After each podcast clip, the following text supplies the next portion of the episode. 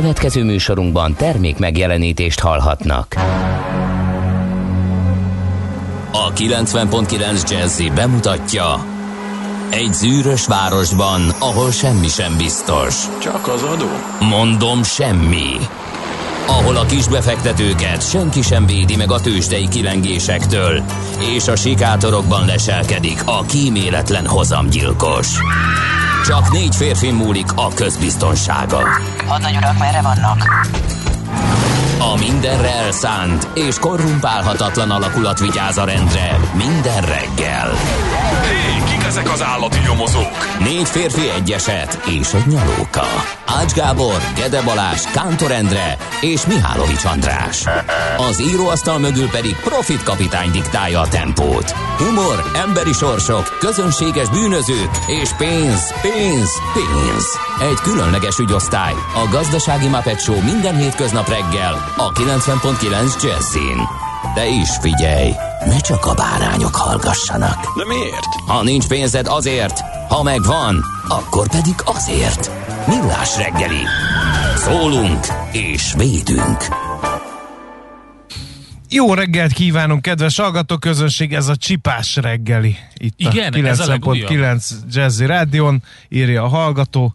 Uh, úgyhogy uh, a jazz vitamint hallgatva még vitatkozni ez sincs igen, erőm igen, nem tudom. ezzel a megjegyzéssel. Ez szerintem egy Tell me why. az, az, az utóbbi idők legnagyobb félre sikerült zenekar elnevezése. Tehát a vitamin ugye az önmagában is azt jelenti, hogy az élethez szükséges. De nem, szerintem ez nem volt az. Na mindegy. Igen, eh, nem jár a négyes hatos. Tudtok erről valamit, hogy miért? Nézzük, nézzük. Hmm, Nem tudom. Hát Egy baleset van a Gyáli úton, azt látom. De az az Ecseri útnál nem belső amiatt sávban, de ez nem. Ez nem az. az, hogy nem jár, az nagyon kellemetlen. Utána fogunk nézni, köszönjük szépen az információt, és minden Aki tudja, adja át. igen utastársunknak is. Na, szóval a Csipás reggeli mai műsorvezetői párosa Kántor Endre, És Mihálovics András. 0 30 20 10 9 0 9 SMS WhatsApp és Viber számunk is ez. Már most felszólítjuk a közlekedőket, hogy mivel esik az eső, ezért csúsznak az utak. Egy csomóan fognak autóba szállni, mert nem akarnak megázni, úgyhogy nagyon-nagyon vigyázzunk egymásra. Ill- egyébként pedig már itt egy másik baleset. Ahogy kimondtam, megvillant a képernyő, Ugye? és kiderült, hogy baleset van a Nagy Lajos király útján, a kerékgyártó utcánál, ez nehezíti a közlekedést.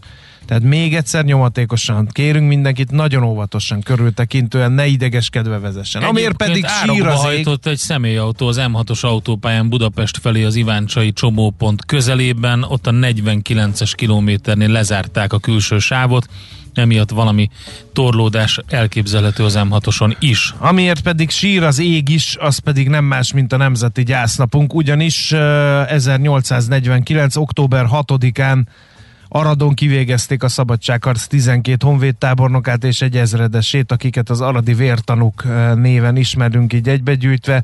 Számomra ez a nemzeti ö, ünnep, vagy hát rossz szó ez az ünnep, a Nemzeti Gyásznap a legfontosabb megemlékezés, mert ö, ezek az emberek számomra idolok örökké, mégpedig azért, mert hogy lehet bármilyen a világ, ők megtették, amit megkövetelt a haza, illetve utána nem menekültek el, hogy ja, jó lesz nekem Svájcba, ez az ország nem ér ennyit.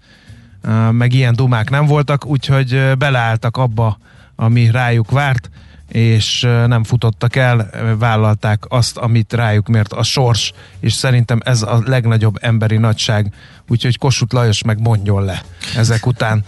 Na, Nagyon nagy szeretettel köszöntjük a Brunókat és Renátákat, az ő névnapjuk van ma.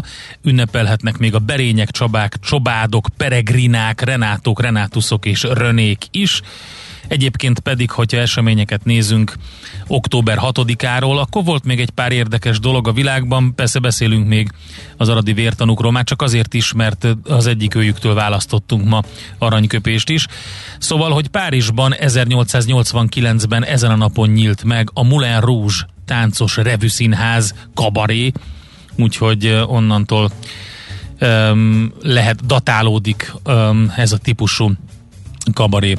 Aztán 1951-ben a Szabad Európa Rádió ezen a napon kezdte meg rendszeres magyar nyelvű adását, és neked ö, kukáztam ki ezt a dátumot 1960-ból, amikor is bemutatták a Spartacus című filmet, ami négy Hát, Oscar díjat kapott. Hát jó egyébként. Kirk mindig. Douglas. Egyszerűen A mai Kirk. szemmel is Ugye? élvezhető. Van, most megnéztem, képzeld el, tegnap este a Kémek a Sasfészekben Júj. című filmet. Na, nagy kedvencem. Kicsit be, tehát hogy ahhoz képest, amilyen filmélményeim vannak, ilyen lassú, uh-huh. csordogáló, én is szerettem nagyon, egy kicsit megkopott már a fénye, viszont Hát jó, a de- nyáron megnéztem a Spartacust, ami sokkal régebben Ne készült, viccelj, az a, az és a az meg még mindig pörög. óriási a- kémek a sasfészekben. Na mindegy, szóval hogy azért is érdekes dátum, ha 60-as év a Spartacusnak, és nyilván a négy Oscar díj nagyon nagy teljesítmény, hogy csak hat évvel később tiltották be ezen A a, napon az Egyesült Államokban az LSD-t. Tehát jószerivel az 1960-ban a Spartacust még jól be LSD-zve is meg lehetett nézni. Uh, úgyhogy lehet, hogy a négy Oscar díj az valahogy ennek is köszönhető. Uh-huh. Na, Nem, nem ennek köszönhetően. Jó, ne, nyilván. remek filmalkotásról van szó. volt, rendben. Szóval a születésnaposok között elsősorban megemlítendő Láner György, honvéd tábornok, aradi vértanú 1795-ben ezen a napon született, és 1849-ben az 54. születésnapján végezték ki. Tőle választottunk aranyköpést, majd 8 óra 30 után ezt is meg lehet hallgatni. Le Corbusier, aki 1887-ben született, ö, eredetileg Charles Edward Jeanneret, a svájci származású francia műépítész, hát nagyon-nagyon sok mindent köszönhetünk neki, és nagyon izgalmas épületeket, koncepciókat, és, és bútorokat is. Thor Heyerdahl, norvég tengerbiológus, antropológus felfedező is ezen a napon született, ő 1914-ben. Rá szerintem a mikorosztályunk nagyon jól emlékszik, hiszen sokszor volt a hírekben, sokszor volt a különböző dokumentumfilmekben, amiket még a magyar televízió is műsorára tűzött, és tátott szájjal néztük, hogy Thor Heyerdahl milyen vállalkozásokra adja fejét. Aztán Steinmetz Barnabás, kétszeres olimpiai bajnok vízilabdázó, is ma ünnepli születésnapját, 1975-ös születésű. ő. No, én azt gondolom, hogy azért uh, olvassuk fel az Aradi 13-ak nevét, aki nem Az tudná, biztos. uh, mert hogy tényleg az Aradi Vértanúk napja van, és ennyivel tartozunk őseinknek, akik nem futottak el, és akik miatt uh, mi itt visz, veszekedhetünk, hogy ki nyerje a választást, meg ki legyen a jelölt, meg ki a miniszterelnök, meg stb. stb. Ennek mind nem lenne értelme, ha ők nem tartottak volna ki akkor, amikor sokan elfutottak. Szóval lőpor és golyó általi halállal reggel fél hatkor végezték ki Lázár Vilmos főtisztet, ezredest, Dezsőfi Arisztid tábornokot, Kis Ernő tábornokot és Svejdel József tábornokot. Kötél általi halállal reggel 6 óra után végezték ki Loveg Pöltenberg Ernő tábornokot, Török Ignác tábornokot, Láner György tábornokot, Knézics Károly tábornokot, Nagy Sándor József tábornokot, Gróf Leiningen Westenburg Károly tábornokot, Aulik Lajos tábornokot, Damianics János tábornokot és Gróf Vécsei Károly tábornokot. És még én hozzátennék még legalább három nevet az aradi vértanukhoz, ugye Katona Csaba történésszel beszéltünk arról, hogy Igen, még... utána lehet nézni a Mesél a múlt rovatunkban. Igen, még három uh, katonatiszt adta az életét a hazáért, uh, nem október 6-án, de nagyjából uh, augusztusban, meg október 25-én, meg február 9-én 1850-ben, de őket még illik az aradi vértanukhoz sorolni. Ilyen volt Ormai Norbert honvédezredes, aki 1849. augusztus 22-én hunyt el. Kazinci Lajos honvédezredes, őt 1849. október 25-én veszítette el a haza, és végül a börtönben Lenkei és Zádorfalvi Lenkei János honvéd tábornok, aki megőrült a fogságban, és szintén meghalt 1850. február 9-én.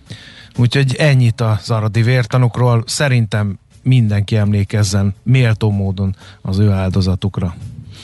Megyünk tovább egy kis zenével, aztán utána megnézzük, hogy a lapok mit írnak, miről tudunk beszámolni. Ma reggel írjatok nekünk 0 30 20 10 909 Viber, WhatsApp és SMS. Már ha működik a WhatsApp. Nézz is! Ne csak hallgass! millásreggeli.hu Na nézzük, mit írnak a lapok. A napi.hu azzal a cikkel fog indítani, egy pár percen belül éles lesz az oldalon, hogy visszahozzák a kötelező maszkviselést a bankokban. Ugye bár jelenleg nem kötelező a maszkviselés, és gyakorlatilag semmiféle korlátozás nincs érvényben, számos pénzügyi cégnél már ismét életbe léptek bizonyos járványügyi intézkedések, a közösségi terekben például, és egyes rendezvényeken megkövetelik a maszkviselését hiszen napról napra nő a koronavírusos esetek száma. E, megint a járvány negyedik hulláma Magyarországot sem kerüli el, az utóbbi pár napon meredeken emelkedett egyébként ez a mutató. A kormány egyelőre semmilyen korlátozó intézkedést nem vezetett be, továbbra is maszk nélkül vehet részt mindenki a rendezvényeken, de a napi.hu körülnézett a pénzintézeteknél, és például az Unicreditnél maszkot kell viselni a fiókokban, az Egonnál önkéntesen tett védettségi nyilatkozatot kérnek. A Cofidis két nap home office-t kínál hetente a dolgozóknak. A CIB a rendezvényeken kötelező, a CIB-nél kötelező az oltás vagy a teszt és az Erszténél is ismét kötelező a maszk, az OTP-nél pedig két hetente tesztelnek, és szinte mindenhol viselni kell a maszkot. Minden esetre a részletek a napi.hu cikkéből uh-huh. derülnek ki. Van egy interjú a Magyar Nemzet címoldalán Parrag Lászlóval, a kamara elnökével. Uh-huh. A Magyar Kereskedelmes Iparkamara a válságról és a gazdasági intézkedésekről rendszeresen egyeztet a kormány, amikor kirobbant a járvány. Gyorsan kellett reagálni, de az együttműködés ma is tart, amelynek jelentőségét a vállalkozások többsége érzékelte, állítja a kamara elnöke. Azt is mondja, ami még érdekes lehet, és nem politikai, hogy biztosan le lehet szögezni, teljesítmény nélkül nincs jövedelem, a munkaalapú gazdaságra kell építkezni. Ha segélyekre alapozunk, akkor az nagyon hamar eladósodottsághoz és a kamatok emelkedéséhez vezet, ennek az árát pedig a munkaadók és a munkavállalók köre fizeti meg. Bizonyos értelemben újra elkezdődhet az energia, a bankszektor, a hazai infrastruktúra és az ellátó rendszerek privatizációja, kiszervezése, ami a 2010 előtti időszakot jellemezte, ír, mondta, hogy ez a választások tétje hogy ez bekövetkezik-e, és arra is emlékeztet, hogy mindig megfelelő időben derült ki, milyen lesz a következő esztendő üzleti környezete, ami segítette a vállalkozások tervezését tehát az interjú a Magyar Nemzetben olvasható Parrag Lászlóval. A világ... Az első mondatához szeretném így kontrasztbálítani a kötelező kamarai hozzájárulást a teljesítmény nélkül. A, igen. Nincsen. A segély alapú, igen. Na mindegy. Nagyon brilliáns észrevétel, és szívemből szóltál. Bravo! Le vagyok nyűgözve, tényleg. Egy másik interjú is van, az pedig a világgazdaság címlapján díszeleg. Az a címe, hogy többé már nem lehet a korábbi árakon építkezni. Hát ezt szerintem mindenki észrevette, aki ezt tette. Ár spirálba került az építőipar a költségemelkedés miatt épp a legtöbb és legnagyobb beruházásokban érdekelt cégek jövedelmezősége minimalizálódott miután a korábban kötött szerződéseket nem árazzák át, noha rég nem jön ki a matek. Építeni most 20-25 százalékkal kerül többen, mint februárban, ez döntően a világpiaci folyamatok miatt van. Így újabban már van példa árcsökkenésre is a kritikus termékkörökben, ezáltal várható, hogy további drámai drágulásra már nem kerül sor, az árak a korábbi szintre viszont biztosan nem térnek vissza, mondja Kói László az építési vállalkozók országos szakszövetségének elnöke. Januárig fennmarad a kötelező építőanyag export regisztráció, amivel a kormány és a szakszövetség célja is teljesült, hiszen nem alakult ki áruhiány, lehetett dolgozni. Az extra profit megadóztatása viszont nem hozta meg az eredményt, az érintett cégek ugyanis inkább megfizették, mert attól tartottak, hogyha árat csökkentenek, a kereskedők pedig nem, akkor a profit átvándorol más piaci szereplőkhöz. Hát én azt gondolom, hogy a csemegét, az igazi ingyenséget, az kihagytad a mai sajtószemléből, de nem baj, én bepótolom. Körülbelül tízszer olvastam el a címet, és nem tudtam értelmezni. Valahogy, valahogy olyan viszonyban volt a mondat eleje és a mondat vége, hogy azt gondoltam, összecsúszott véletlenül két hír. De elmondom. A gazdaságvédelmi alapból vett 42 milliárd forintért bélyegmúzeumot az állam. Én azért vagyok erre külmondottan büszke, mert ezt tegnap a lapszemlében már elmondtam. Tényleg? Úgyhogy én annyira Hogy a rajta csodába? tartom. Hát azért, mert hogy volt erről egy cikk a, a, azt, azt hiszem a, A népszavában? népszavában ja igen, igen ők korábban írták meg, én Igen. tegnap a 444.hu-n találtam.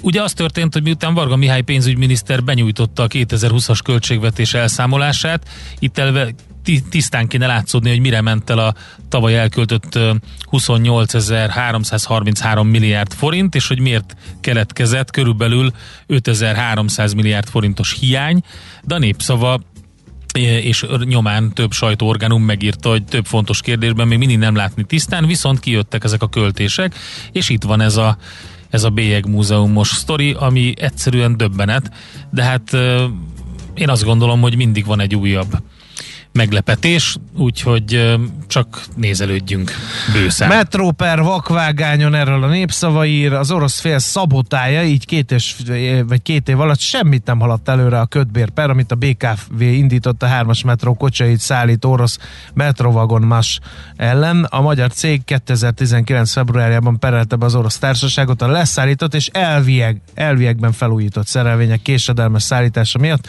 6,8 milliárd forint kötbért és kamatait kérte.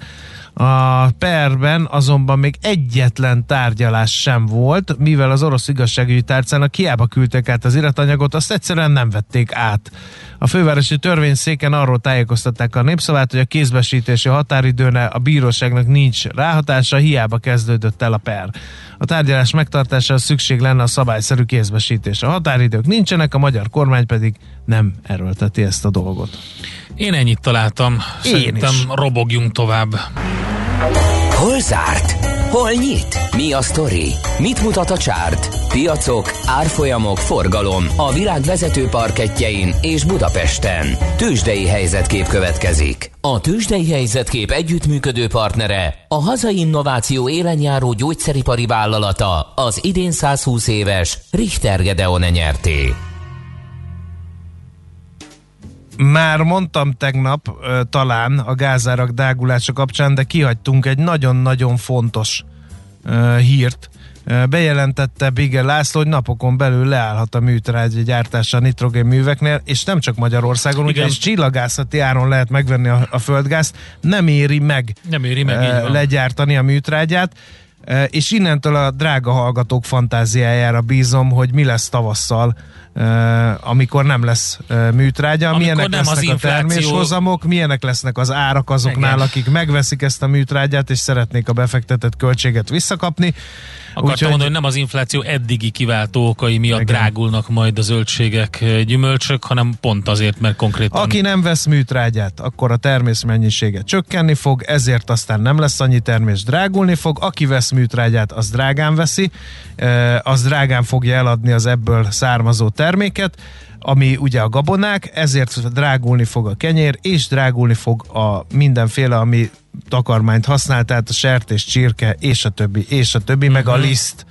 Úgyhogy ö, hát feleim nem egy biztató helyzet ez, de nem ezért gyűltünk egybe, hanem azért gyűltünk egybe, hogy megtudjátok, mi történt tegnap a Budapest érték tőzsdén.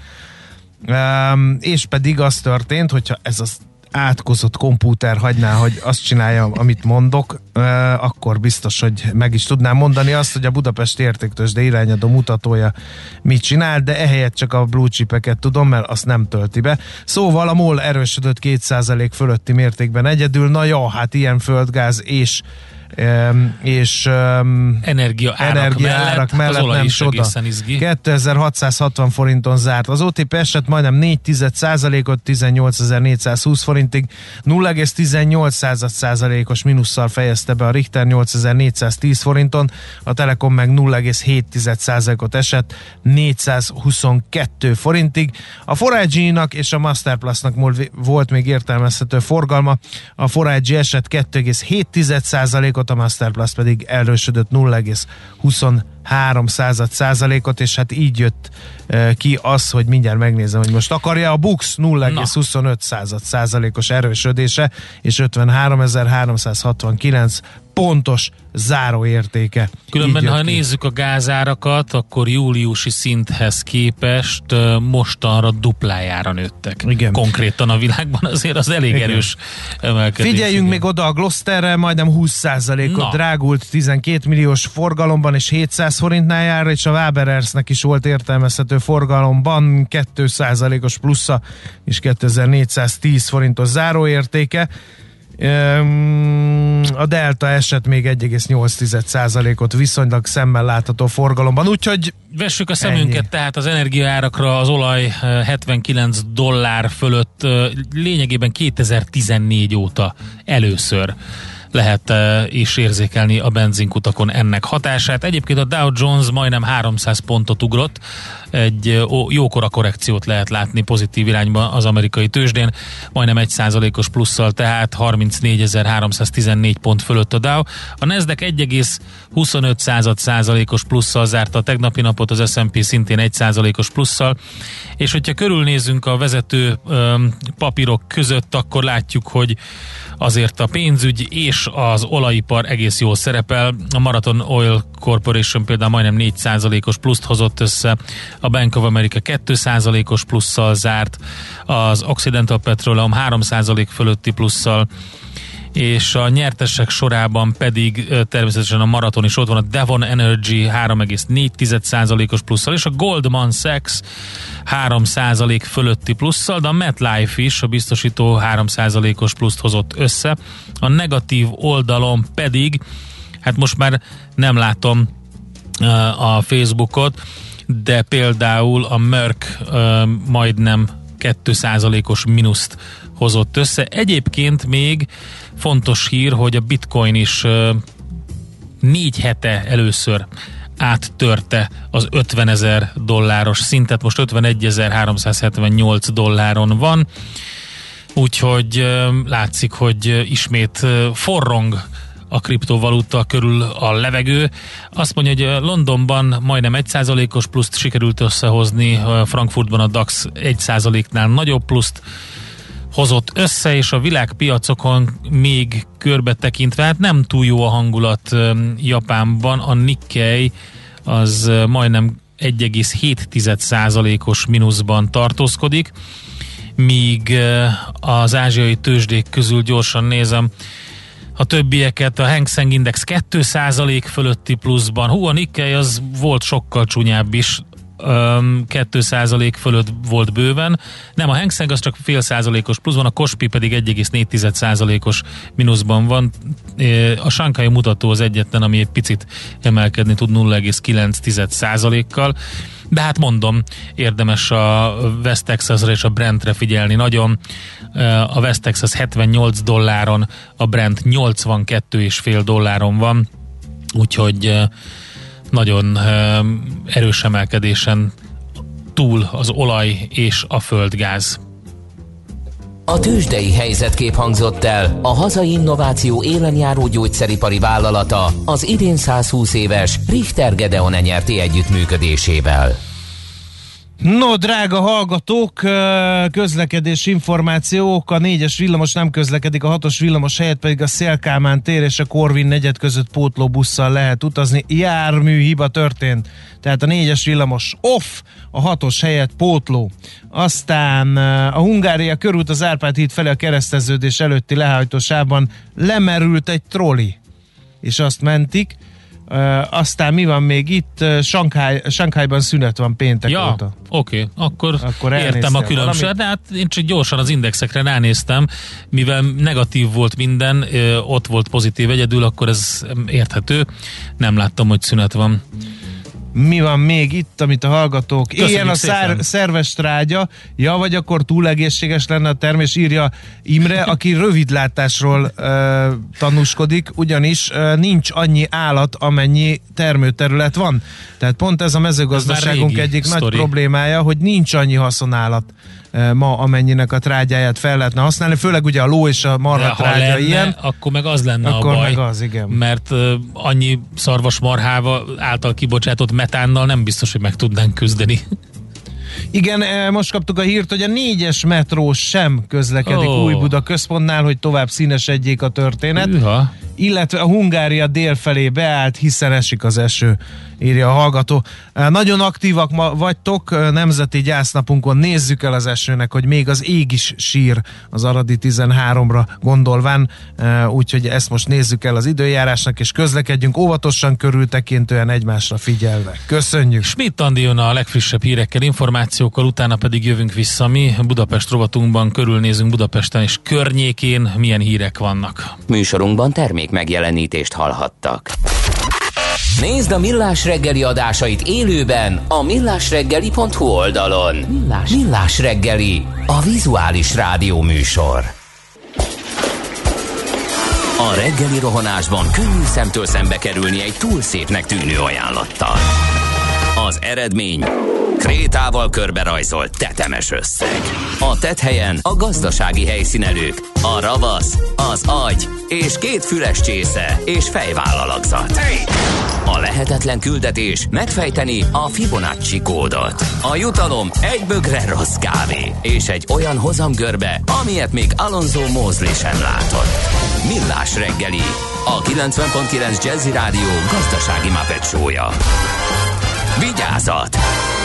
Van rá engedélyünk! A Millás reggeli fő támogatója a Schiller Flotta KFT. Schiller Flotta and Rent a Car. A mobilitási megoldások szakértője a Schiller Autó tagja. Autók szeretettel. Szép jó reggelt reggelt! kívánunk! 7 óra 15 van, folytatódik a Millás reggel itt a 90.9 Jazzy Rádión, Kántor Endre az egyik műsorvezető. Mihálovics András pedig a másik műsorvezető, tele vagyunk közlekedési információkkal, úgyhogy csapassunk. Budapest legfrissebb közlekedési hírei, itt a 90.9 jazz Baleset, baleset hátán. Igen, az Orci úton van egy a Golgota térnél, illetve a Nagykörösi úton a Határút közelében a felüljáróval, felüljárónál az M4-es metro az Új Buda központnál továbbra sem áll meg, mert az állomáson nem működik a mozgó lépcső. Az M3-as autópályán Budapest felé a Gödöllő térségében a terelőelemeket javítják ilyen szép esőben a 28-as és 22-es kilométer között sáv elhúzásos terelésben lehet autózni. A belső sávot zárják le, úgyhogy a forgalom a külső és a leálló sávon halad. Budapest, Budapest, te csodás! Hírek, információk, érdekességek, események Budapestről és környékéről. Hát egy folytában történik valami Velencén. Most az üzemeltető lezárta a Velence korzó teljes területét, már a büfékhez sem lehet bemenni. Ugye ez az a kerítés, amivel először Azt a körbeépítették. homokos, a Velence kapuja projekt? Igen, igen, igen. Velence korzó. Ahol sok igen. napernyő, homokos part, Így víz, van, meg így nuku. van, így van. És hát az a helyzet, hogy, hogy a büfések sem tudták, tehát ez úgy történt, hogy hétfő reggelre, aki megérkezett oda kinyitni, van ott egy pár büfé, ami azért állandóan nyitva van a Spár közelében főleg, és lehet arra számítani, hogy ha azt az igazi strandélményt már nem kapjuk meg ilyenkor ősszel, de hogyha mondjuk körbe bringázzuk a jó időben a tavat, akkor ott azért lehet találni valami féle ilyen strandkaját, vagy egy pár üdítőt, palacsintát, ilyesmit. Na most az történt, hogy ugye De mi az ok? az ok, hát ugye az egy találgatás, találgatás. A feol.hu azt írta meg, amiről azt kell tudni, hogy alapvetően az üzemeltető oldaláról mutatja be a történeteket, hogy a Gomi Kft. minden kaput lezárt, és a büfésort sem lehet így megközelíteni. Közben a Velencei Önkormányzat közleményt adott ki a lezárással kapcsolatban. Ebben jogszerűtlen lépésről írtak. Azt írták, hogy a büfék lezárása nem csak az üzemeltetési szerződés szerint minősül jogszerűtlen lépésnek, de a büfé tulajdonosok tulajdonhoz való jogát is csorbítja. Vo- Volt ugyanis, aki nem tudott kinyitni emiatt. Az önkormányzat eddig is ezután is minden törvényes lépést megtesz a méltatlan állapot megszüntetésére. Most ugye az önkormányzat és a Gomi Kft. között régóta megy a harc. A FEOL információi szerint az volt a lezárás indoka, hogy a korzó jelenleg munkaterület. Felújítások, nyár utáni karbantartások zajlanak, viszont ugye erről egyrészt senki nem szólt a büféseknek, másrészt azért ennek nem ez a módja, hogy egy olyan területet, amit ugye elvileg az önkormányzat... És mi van a Youth Büfosszal? A büfés megmaradási jogával. Igen, igen, így van, és mi van azzal, hogy valaki csak egyszerűen arra akar sétálni, mert eleve a körbezárt terület teljesen jogszerűtlenül van körbezárva. Ugye felmondták már a Velencei Önkormányzat a Gomi Kft-nek a szerződését, ami egyébként is sok kérdést vetett fel, hogy mennyit fizet az egész terület, tehát nem csak a Velence Korzó épület, ez a pláza épület, mondjuk így, hanem, hanem az egész területért, ami a strandot is és azt a partszakaszt is magába foglalja, azért egyébként mennyit fizetne, ez egy röhelyes összeg volt, tehát azt hiszem 3 millió forintos Per év. nem, azért nem, de per hó, de gondolj bele, van ott mondjuk egy spár, van egy, egy, egy Rossmann. Egy Decathlon. az, az, az, már nincs a Decathlon, az bezárt, viszont van egy Pepco helye, tehát ezen kívül az üzletsoron számos üzlet, na most ezeknek a bérleti ö, díja azért... Hát de a strand meg ingyenes ah, hát i, volt. igen, ingyenes. Nem Na, az van mindegy. ennek az egésznek a hátterében, hogy azt szépen fizetőssé tegyék. Nem tudják fizetősé Mert hogy tenni, mert szerződést pénzből. bontottak már a Gomi Kft-vel az önkormányzatnál, ezt valamiféle erődemonstrációnak vélem én. Az üzemeltető és a büfések többsége között egy szeptember 30-án lejárt szerződés is volt, ezt a FEOL írta meg. Még egyszer mondom, tehát nagyon izgalmas, mert hogyha olvasod a, a feol.hu információit, akkor megkapod az egyik oldalról, és érdekes módon nagyon jó információkat kapnak a Gomi Kft-től. A másik oldalról nem tudsz honnan tájékozódni, kizárólag a Velencei Önkormányzat Facebook oldaláról, ahol ők megpróbálják az ő oldalukról a jogszerűen bemutatni az eseményeket. Szóval Hát, újra, a magyar Újra. nyilvánosság már csak így Figyelj, működik. amióta oda költöztem, azóta gyakorlatilag minden Azóta kiszáradt a Velencei Kiszáradt a tó. tó. Nem Lezárták volt. a Velence kapuja véletlen? Aligha. Ez véletlen. Na mindegy. Na, én annyit mondanék, hogy aki nem tudta volna, hogy elővásárlási joga van a magyar államnak Budapest legértékesebb lakóingatlanjai felett. ne viccelj. Egyébként kérlek szépen egy régi történet, mert hogy, hogy a, van egy törvény, ami nyáron ö, megváltoztatta az örökségvédelmi szabályozást, és a törvényhez kapcsolt végrehajtási terv érinti Budapest legértékesebb ingatlanjait is. Ezt Semmilyen Zsolt miniszterelnök helyettes terjesztette be, és június 29-e óta hatályos. A következő a lényeg ennek a szabályozásnak. Olyan 200 négyzetméternél nagyobb alapterületű lakásokról van szó, amik a Dunapartján, a Budai Várnegyedben vagy az Andrási úton, azaz a főváros világörökségi helyszínein találhatóak. Na. Ezekre elővásárlási Világörökségi helyszíneken csodálatosan hangzik. Ezekre elővásárlási joga van az államnak. Egyébként 2017-ben a kormány hozta meg azt a törvényt, hogy elővásárlási jogot szerezzen, akkor már jelezték 2017-ben, még ott tartottak, hogy lakások, lakóházak, termőföldek nem esnek a törvény hatája alá, a törvény célja pedig megakadályozni, hogy értékes világörökségi területen fekvő, jó részt vidéki ingatlanok külföldi kézre kerüljenek tömeges Hát igen. tömegesen. Na most ehhez képest a nyáron több budapesti ingatlan tulajdonos tájékoztattak arról, hogy az államnak elővásárlási joga keletkezett 200 négyzetméternél nagyobb alapterület ingatlanok felett. Ezzel a joggal az állam abban az esetben élhet, ha a tulajdonos az eladás mellett dönt. Az ilyen esetekben, ha megállapodik a vevővel, az állam 8 napig a megállapodott vételi ár értékében megválás, megvásárolhatja az ingatlan. És mi van, ha nem akarja eladni? Mm, El akarja? Hát kellemetlen, mert az elővásárlási opció megnehezített egy adásvételi egyeztetést, uh-huh. viszont a vevő nem lehet biztos abban, hogyha megegyeznek, akkor is az övé lehet az ingatlan. Mert ugye vagy Értem. él az elővásárlási jogával az állam, vagy nem. De mi van, hogyha majd- a tulajdonos nem szeretné eladni? Vagy lehet, hogy úgy kap egy visszautasíthatatlan ajánlatot, és akkor el szeretné adni? Vagy mi történik? Nem tudom. Na mindegy, nem világosak ugye itt ebben az egész uh, sztoriban az állam motivációi, de minden esetre a budavári ingatlanokkal kapcsolatban rendre felmerülnek anomáliák. Dr. C szerint, ha pontosan ismerik az elővásárlási jog működését, akkor talán nem olyan rettenetes hír ez. Én Mhm. uh-huh. leköteleződnék Dr. C felé, hogy ha megírná, hogy miért nem. Mert Jó. így újságolvasó laikusként azért én nem örülnék tulajdonosként, hogyha bárkinek elővásárlási joga lenne. Hát figyelj, volt egy olyan vélemény, hogy sejthető, hogy magánérdekek is lehetnek az ügy hátterében, mert hogyha ezt az egész sztorit végignézzük, akkor lehetősége nyílik egyes tulajdonosoknak, hogy piaci ár felett értékesítsék az ingatlanokat, ugye az államnak pedig, hogy utána olcsón tovább értékesítse ezeket a ö, többnyire luxus kategóriás, de rendkívül értékes ö, és, és rendkívül értékes lakásokat. Tehát elő, elő, előfordulhat egy olyan szituáció, hogy hogy valaki úgy jut budavári ingatlanhoz, miután az állam megvásárolta, hogy hirtelen már olcsó lesz, mert már nem annyira kelendő. De ez csak egy vélemény az egyik oldalról, a másik oldalról meg az is érdekes lehet, hogyha valaki mondjuk nem akarja értékesíteni, a, a, de aztán utána úgy dönt, hogy mégis, és külföldre költözik, akkor hirtelen e, fel tudja vásárolni az állam. Vagyis lényegében mi? András, mi tudjuk ezeket? Én? fel- Hát mi? Hát nekem eddig se volt 200 négyzetméteres ingatlan, ezutánom se lesz. Na. De a hanyatló nyugat, na annak nem lennék a helyébe, mert ők nem vehetnek világörökségi helyszínen 200 méteres ingatlan. Közben azt nézem, hogy az idén nyáron a Budapest gyógyfürdői és hévizei ZRT által üzemeltetett fürdők és strandok 773 ezer vendéget fogadtak. Az sok vagy kevés? Ez sok. Az 30% kal több, mint az előző év azonos időszakában.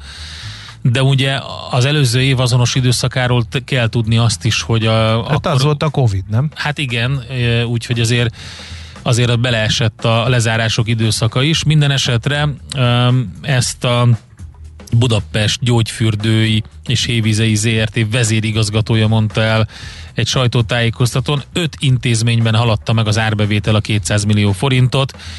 Idén június és augusztus között 53%-kal nőtt a társaság árbevétele éves összevetésben. A bázis nyilván um, alacsonyabb volt, de 2,4 milliárd forint lett. És um, hát a, ez például a Széchenyi fürdő, Palatinus, Paskál, Gellért és a Lukács fürdő, ahol 200 millió forintot haladta meg az árbevétel. Egyébként azt is elmondta, hogy a koronavírus járvány miatt, amikor 2020-ban, illetve 21-ben is csak nem 8 hónapig zárva tartottak, 21 milliárd forint veszteség keletkezett, ami ugye ez teljes évnél nagyobb bevételkiesést jelent. Közben azt hozzátenném még, hogy erre reagálnak azért a, a fürdők külön-külön is.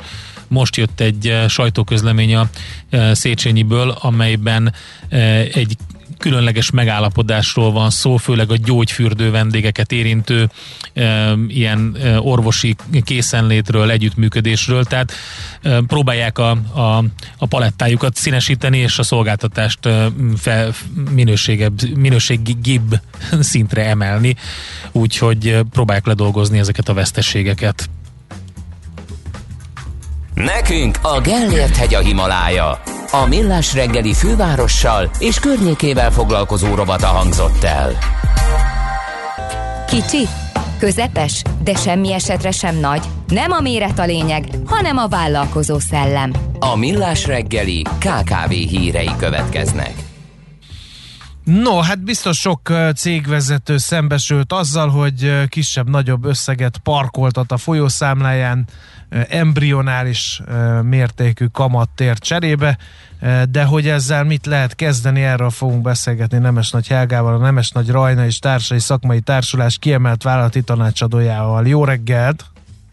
Sziasztok, jó reggelt kívánok! No, hát először vegyük sorra, hol lehet egyáltalán pénz egy vállalkozásnak, hol parkolhat, anélkül, hogy fialna. Hát általánosságban, hogyha megnézzük a cégeknek a profilját, akkor általában a házi pénztárukon és a bankszámláikon vannak ezek a pénzek, és, és azért azt elég sokszor halljuk a cégvezetőktől, hogy, hogy a bankszámlánkon parkírozott pénzek értékvesztésével nem teljesen elégedettek. Uh-huh. Lehet ezzel egyáltalán, vagy érdemese bármit kezdeni ezzel? Én mindig azt mondom, hogy nem az a cél, hogy a már meglévő bevált módszereknél, eszközöknél mindig jobbat és jobbat mutassunk, hanem az, hogy, hogy a több lábon állás jegyében olyan pénzügyi eszközökkel is megismerkedjenek a cégvezetők, amik esetleg más helyzetben adhattak nekik alternatívákat, és ott előnyhöz juttatják őket. Úgyhogy igen, van más lehetőségük is arra, hogy a likvid tartalékaikat elhelyezzék. Uh-huh. Uh, ez miért jó? Hogyha több helyen van, ahogy te fogalmaztál, több lábon áll a cég? Hát azon kívül mindenkinek jó, ha több pénztárcája van, annál még jobb, ha mindegyikben van pénz. Ez a pénztárca ez azért jó, mert három különböző területet fed le. Ide szokták elhelyezni a cégvezetők azokat a pénzügyi tartalékokat, amik például az alkalmazottakkal kapcsolatos pénzügyi programok fedezetéhez szükségesek, és itt nem a bérre gondolok. Aztán a cég likviditási tartalékait, és utána a másik nagy terület az pedig a tulajdonos érdekeltségbe tartozó jövőbeli magáncéloknak a cégből történő finanszírozása. Nagyjából ez az a három terület, amit a, a mm, általunk kidolgozott programok le tudnak fedni. Uh-huh. Egyébként ugye itt arról van szó, hogy ezek mind mozgosíthatók, tehát ezek likvid um, tartalékok. Igen, általában elvárása a cégvezetőknek, hogy, hogy ehhez bármikor hozzá tudjanak nyúlni, tehát itt nem opció a lekötés. Uh-huh. Jó, akkor beszéljünk egy kicsit erről a likviditási tartalékról. Ugye ennek nagyjából az szokott a szerepe lenni egy vállalkozás életében, hogy félreteszünk pénzt, hogyha bármi beüt, akkor legyen mihez nyúlni. Ezért szokták egyébként a folyószámlán is parkoltatva választ, hát vállalva annak az érték. Véletlenül ráteheti a szőrös mancsát a nav. Igen, igen. De mit lehet ezzel kezdeni akkor? Na hát az alapvető dolog, hogy teljesen mindegy, hogy melyik pénzügyi területről beszélünk, tehát a dolgozóknak a pénzügyi programáról, a cégnek a likviditási tartalékáról, vagy a tulajdonosi pénzekről. Az alapvető dolog az, hogy ez a megszokottól eltérő szabályzó környezetbe tartozik, jogi háttérrel rendelkezik, és ezeknek a szabályoknak, törvényeknek az együtthatójából a legfontosabb tulajdonság, hogy ezek védett számlának minősülnek. Tehát azok a pénzek, amik egy ilyen számlán vannak elhelyezve, ezekkel szemben inkasszó végrehajtás nem indítható, sem olyan, ami mondjuk a dolgozói oldalról jön, sem olyan, ami például, hogy említettétek, a NAV-tól jön, vagy, vagy hitelintézettől. Jó, most egy kicsit, egy... kicsit nem voltam fair a NAV-val szemben, csak hogy előford, előfordul olyan, amikor van egy jogvita, vagy egy olyan helyzet, ami nem teljesen, később kiderül ugye, hogy, hogy nem volt jogos, mondjuk, és addig ugye nem tud hozzáférni a, az inkaszózott számlához, vagy összeghez a tulajdonos.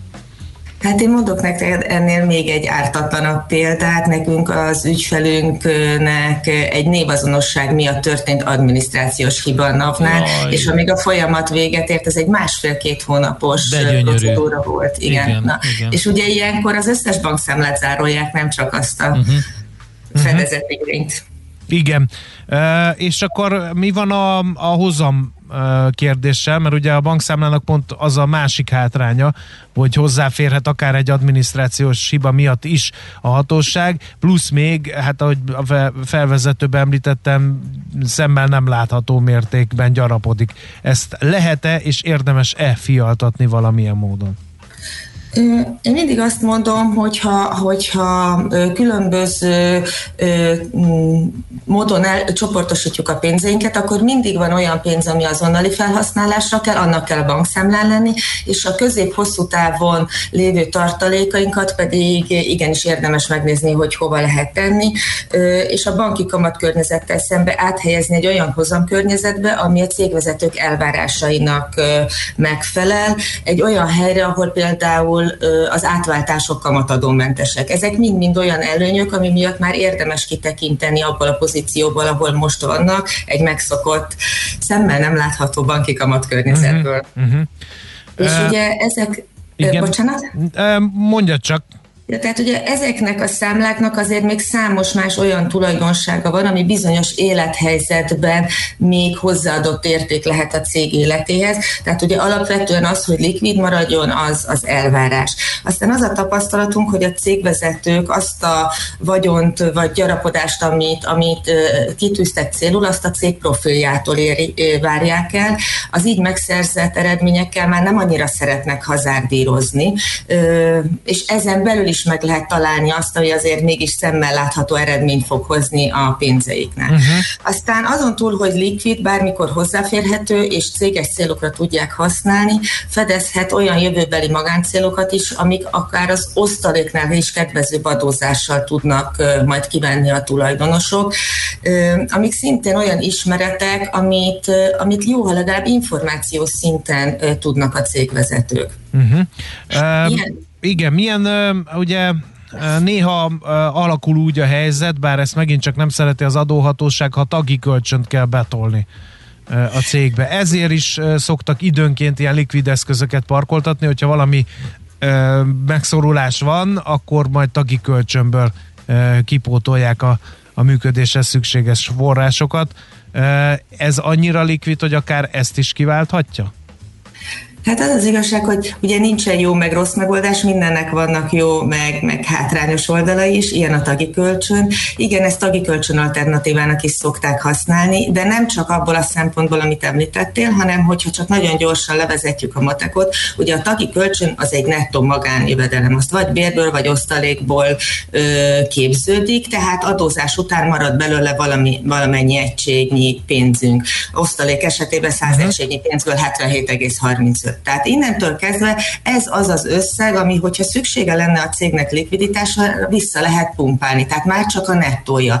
Ezzel szemben ugye visszafizetés és kamatfizetés lehet, kötelezettsége van a cégnek.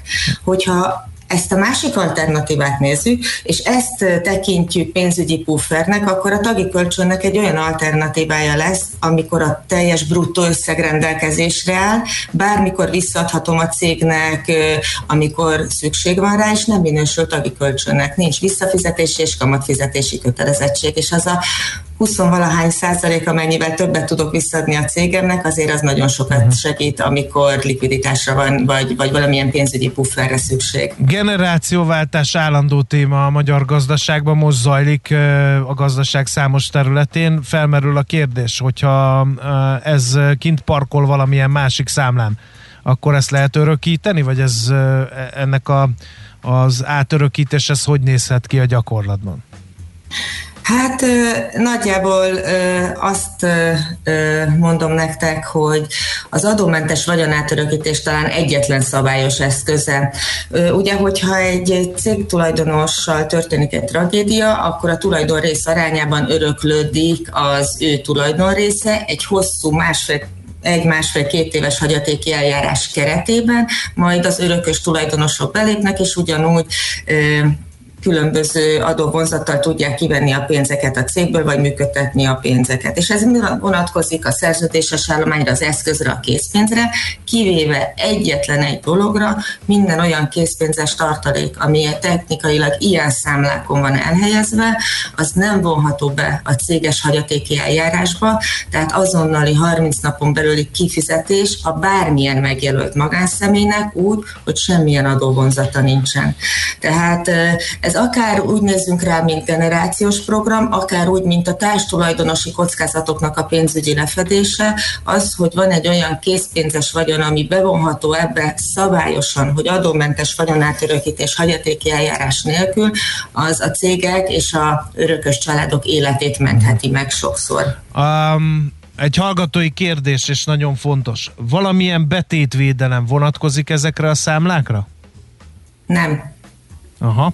Nem az a szerkezete. Uh-huh. Itt a kockázati tényezőket a cégvezető határozza meg, és ennek megfelelően tudja ő a kockázatvállalási hajlandóságának megfelelően rendelkezni arról, hogy ő most ezeket a pénzeket befekteti, vagy csak parkoltatja, és utána mire használja. Uh-huh. Kik e, számára elérhető Igen. ez? Tehát van-e ilyen cégméret, vagy, vagy van-e valami olyan szempont, ami ami Például az, hogy mondjuk egy veszteséges cégnél is Igen. bele lehet ebbe vágni, meg mondjuk nagy vagy kicsi cég, meg hogy áll a törvényi szabályozással, stb. stb. Hát én azt mondom nektek, hogy most már 15. évünkben vagyunk, amióta ezen a szakterületen dolgozunk, és nekünk van az egyfős KFT-től, egyéni vállalkozástól kezdve a több milliárdos cégig üzleti kapcsolatunk, partnereink. Teljesen mindegy, ahogy mondtad, hogy kicsi vagy nagy, régi vagy új, veszteséges vagy nyereséges, kevés alkalmazott van vagy sok, mindenki tud ezekkel a pénzügyi modellekkel élni. Nekünk pedig az a feladatunk, hogy, hogy ezeket az eszközöket a mindennapi törvények, vagy a törvények szabályzásoknak a napi szintű ismeretével úgy élesszük be a cég életébe, hogy ezáltal nekik egy egyedi pénzügyi programjuk legyen. Uh-huh. 15 év alatt szerintem még nem volt két ugyanolyan munkánk. Uh-huh. Oké. Okay. Várj egy utolsó kérdés, hogyha szeretné, ne, nem, nem, akinek felkeltette az érdeklődését, anélkül, hogy reklámot csinálnánk, hol tud ennek utána nézni, hogy hol lehet és hogyan lehet ezeket a dolgokat meglépni? Hát én úgy gondolom, hogy mindaz, amiről én beszéltem, ehhez, ha valaki jó szakember, ahhoz értenie kell. Azt, hogy milyen területen szakember, ez már egy másik dolog. Mi a könyvelőkkel nagyon szorosan együtt dolgozunk, de ez nem a könyvelőknek a szakterülete. Természetesen mi is nagyon szívesen segítünk ezeknek a lehetőségeknek az áttekintésében és az információk átadásában. Jó, nagyon szépen köszönjük akkor az információkat, további jó munkát kívánunk. Köszönöm, én is nektek, szép napot! Szép napot! Nemes Nagy Helgával, a Nemes Nagy Rajna és társai szakmai társulás kiemelt vállalati tanácsadójával beszélgettünk. Hova tegyük a céges pénzeinket, ha nem akarjuk a folyószámlánkon parkoltatni, erről volt szó. Veszel-e? Eladod-e? Kanapéról-e? Irodából-e? Mobilról-e? Laptopról-e? Kényelmesen, biztonságosan, rengeteg ajánlat közül válogatva, időspórolva, ugye-e, hogy jó? Mert ott van a mágikus E. E-Business. A millás reggeli elkereskedelmi rovata, ahol mindenki számára kiderül, hogy online miért jó üzletelni. Tehát egyre nagyobb hangsúly helyeződik a kiberbiztonságra és védelemre, mert hogy elég durva adathalász kísérletek vannak. Hát ezekről és a gyógymódjairól fogunk beszélgetni Palocsai Gézával, a Jófogás és a Használtautó.hu ügyvezető igazgatójával. Szervusz, jó reggelt! Sziasztok, jó reggelt kívánok! Azért beszélgettünk erről veled, mert hogy titeket is, meg más internetes kereskedő cégeket használnak adathalászok? Mondhatom, hogy igen, mind hazánkban, mind nemzetközi szinten az online kereskedelem berobbanásával, vagy folyamatos növekedésével együtt jelennek meg ezek a kísérletek, illetve szaporodnak el. Azt tudom nektek mondani, hogy csak idén több mint 25 olyan adathalász kísérlet történt hazai márkák illetve hazai weboldalak elkereskedők részére, amelyekkel megpróbáltak a felhasználóktól különböző adatokat, személyes adatokat, pénzügyi bankszámla adatokat, belépési jelszavakat kiszedni. Ez nem csak klasszikus kereskedőket vagy piactereket érint, hanem ugyanúgy érinti mondjuk a, a magyar villamosműveket, vagy a magyar postát, tehát hogy uh-huh. a közműszolgáltatóknak a márkáját is igyekeznek ezek az adathalászok fel, felhasználni. Ugye ezeknek a, a hogy miért használják mondjuk az MVM-et, vagy miért próbálnak a, a, a postának a brandje mögé bújni, illetve miért a nagy piactereket vagy márkákat érinti ezt, az a, az egyszerű válasz, hogy azért, mivel ezekben a márkákban viszonylag nagy a bizalom, ha tőlük kapsz valami fajta értesítést, nem biztos, hogy olyan alaposan fogod elolvasni, vagy megnézni azt, amit kapsz, hanem igyekszel végrehajtani. Hogy néz ki egy ilyen adathalász támadás a tapasztalataid szerint? Többféle mód van. Vannak olyan esetek, amikor mondjuk kapsz telefonodra egy SMS-t, és a, a, az SMS-re történő valamilyen, tehát az SMS valamifajta felhívás van, erre reagálva indul be maga a, az a program, amely az adatokat igyekszik kiszedni tőled. Spanyolországban volt egy, egy nagyon komoly ilyen típusú támadás, ez a, az úgynevezett Flubot nevű malware mhm. családhoz tartozó történet. Amikor rákattintasz erre az SMS-re, ami ismeretlen helyről jön, akkor a tudtad nélkül kezdődik meg a telefonok a megfigyelése, és hogyha utána a telefonodon keresztül vásárolsz valamit, használod fizetése és mi, akkor azokat az adatokat összegyűjti, és aztán később fel tudják használni arra, hogy lemenjenek pénzt a számládról, illetve van a korábban említett e-mailes formátum, amikor e-mailt kapsz mondjuk egy szolgáltatótól, akár azzal kapcsolatosan, hogy neked valamit tenned kell a fiókodba, rákattintasz az adott linkre, egy olyan oldalra jutsz, ami nagyjából úgy néz ki, mint a szolgáltató oldala, de természetesen nem teljesen néz ki úgy, illetve hát lehetnek ott azért felhívó jelek, és ezen az oldalon történő aktivitásra igyekeznek kiszedni belőle adatokat. Sőt, már volt SMS-es is, ugye mi is beszámoltunk róla, hogy random kaptak felhasználók SMS-t, hogy csomagja érkezett, itt lehet, ide kell kattintani, stb. Igen, stb. Meg, ez is... Hát ez, ezek, igen, ezek a csomagjegykezet meg, hogy 30 ezer forintban rendelt pizzát erről a telefonszámról, és akkor most mi legyen. Ezek a, vannak a, a, a nagyon alacsony szintű csalásoktól az egészen magasokig, amikor például leutánozzák egy internetes kereskedő oldalnak a, a teljes kinézetét, és úgy próbálják meg rávenni a felhasználót, hogy belépjen, hogy közben a másik oldalon ők nézik azokat az adatokat. Így van, ilyen, amit most itt a legutóbb említettél, ilyen a jófogás esetében is volt, uh-huh. két alkalommal is, januárban és júliusban is volt ilyen típusú kísérlet, amikor a Viber üzenetküldő rendszerét használva a, a jófogás oldalát lemásolva, vagy ahhoz hasonló oldalt létrehozva igyekeztek adatokat kiszedni a felhasználókból. Ami a szörnyűbb történet ezzel kapcsolatban az az, hogy az ilyen típusú bűncselekményekre, ami és ezt, a, ezt most én használom ezt a definíciót, jelen pillanatban nincsen. Semmifajta ö, ö, ö, retorzió, uh-huh. tehát amikor mi ezzel elmentünk a, a hatóságokhoz, akkor bár a nyomozóhatóság megállapította, hogy gyanútlan a weboldalon regisztrált emberek bankszámlaszámához kapcsolódó adatok megadására ösztönözték a tevékenységgel azok, akik ezt megtették, ezek az ismeretlen elkövetők, ugyanakkor arra következtetése jutottak, hogy ez büntetőjogi relevanciával nem rendelkezik, és elutasították a feljelentésünket. Mi több helyre is beadtuk ezt, illetve aztán az ügyészségnél is jeleztük, hogy ez szerintünk ne, nincs rendben, főleg azért, mert utána júliusban is voltak ilyen adathalát kísérletek, és aztán 2021. szeptemberében semmisítették meg a feljelentést, illetve hát az, magát az elutasító határozatot, Hát ez elég furán Mindő. hangzik, Géza, mert hogyha ha ez így igaz, akkor lényegében próba szerencse meg lehet, mert szóval bárki mit veszíthetünk ki, ugye? De hogy lehet ezzel ellen védekezni? Uh, nyilván az Amazon, meg a Facebook, meg ezeknek, uh, akiket érint szintén gyanítom ez az adathalász, és nagyobb tömegben, mint mondjuk titeket, azért megvan erre az elhárító rendszere, de mondjuk egy magyar cég mit tehet?